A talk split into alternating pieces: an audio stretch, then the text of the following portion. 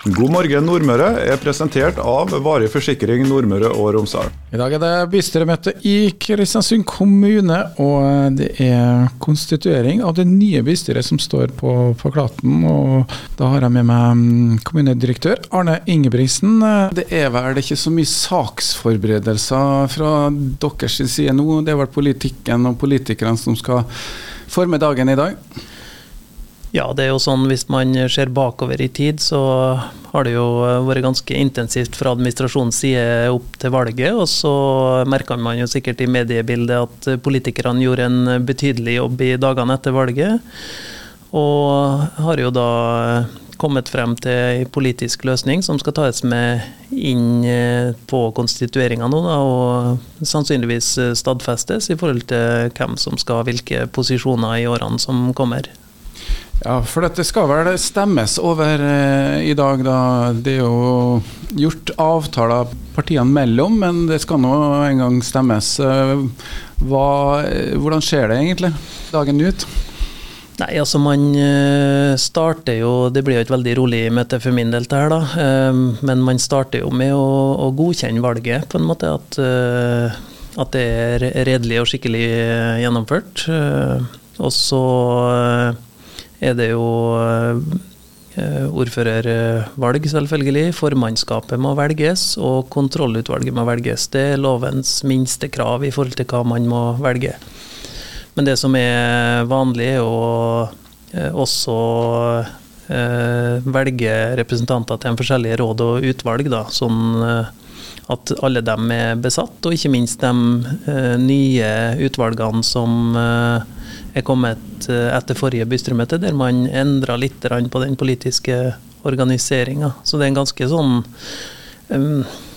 det er ganske enkelt møte, for det er ikke noen knallharde politiske debatter her. Men det er jo selvfølgelig eh, kan jo være diskusjon om ja, kjønnsmessig balanse og litt forskjellig, da. Ja, for Det er jo da visse lovkrav her eh, som går igjen i mange av de der utvalgene. Blant annet, vi har, dere har bestemt at eh, det er elleve representanter i formannskapet, og de skal jo ha en 40 eh, eh, fordeling av kjønn. Det er en kabal som eh, jeg har sett i hvert fall mange andre kommuner også har vært litt sånn ja. Jo, man skal jo prøve så godt man eh, kan, eh, står det jo i loven. Men eh, stort sett så har jo vi klart å få til dette. Og det politiske håndverket som har foregått fra 11.9. og nå frem til i dag, så ser jeg jo for meg at alt det der er håndtert og på plass. Da. Jeg tror ikke, vi skal, tror ikke vi skal få noen særlige utsettelser basert på at man ikke har tatt hensyn til det. Nei, og Da ender man ikke opp sånn som man gjør i en kommune med loddtrekning av uh, ordføreren. Her det, har du fått noen beskjeder, eller er det noen meldinger fra politikerne som kommer til ditt bord allerede nå, eller uh, er, da, er, du like spent som alle andre nå klokka ett? Nei, altså Jeg har ikke fått noe informasjon egentlig utover at jeg vet at posisjonen har inngått en avtale i etterkant av valget, altså dem som ble i posisjonen. Uh, men ellers så vet jeg ikke noe om uh, hvem som ender opp hvor, nei. Men jeg regner med at uh, politikerne har en plan for det. Så jeg forholder meg jo egentlig til klokka 4.50. Så vil jeg jo da kunne på en måte starte min jobb da og vite hvem som er hvor. Men sånn som det møtet her, når det konstitueres, da er det forrige ordføreren som er ordfører? Eller? Ja, han eh, vil jo da ha klubber ja, inntil ny ordfører eh, tar over, ja. Mm. Mm. Men jo, vi har jo ryktene, eller i hvert fall i avisene står det jo at det blir Kjell eh, Nergård som blir ordfører i Kristiansund. Men det er litt avhengig av rekkefølgen på ting for å få gitt hvem som skal være i de forskjellige utvalgene. Ja, det, det, jo Det finnes et stort regneark nasjonalt sett for å regne ut hvem skal hvor. Eh, for å komplisere det litt mer, så er det også to uh, valgformer som uh, et, et, såkalt avtalevalg eller et forholdsvalg som, som kompliserer dette her, da. Men tradisjonen i Kristiansund har nå egentlig vært at man har vært enige om ting på forhånd. ja, og da settes jo rett og slett bystyret i dag, da. og du sier at din jobb starter i 54. Ja.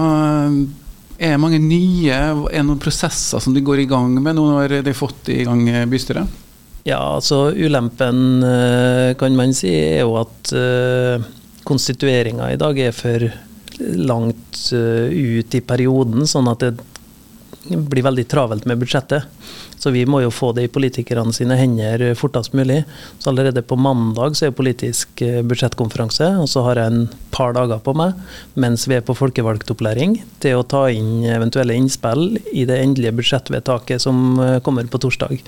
Så det, det er back to back hele uka, eh, egentlig. Så politikerne møtes jo da på mandag. og så er det to dager med folkevalgt opplæring, der man skal lære litt om eh, ja, den politiske organiseringa, om uh, hva administrasjonens rolle og funksjon er opp mot uh, politikerne. Nøkkelpersoner i kommunen, hvilke viktige lover er å forholde seg til.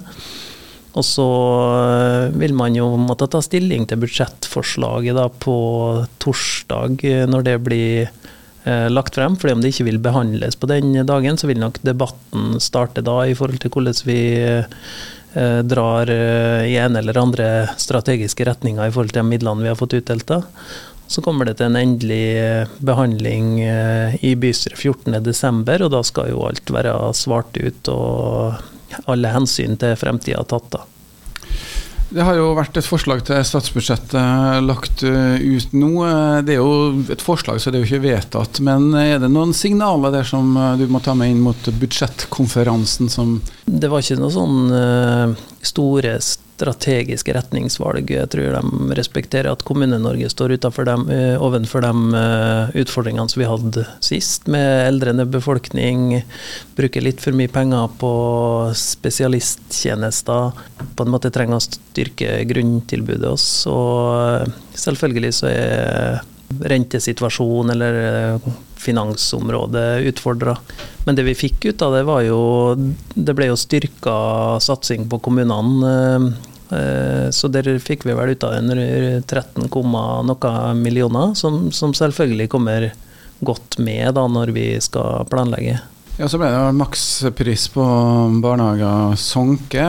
Hva betyr det praktisk for dere? Får de kompensert det?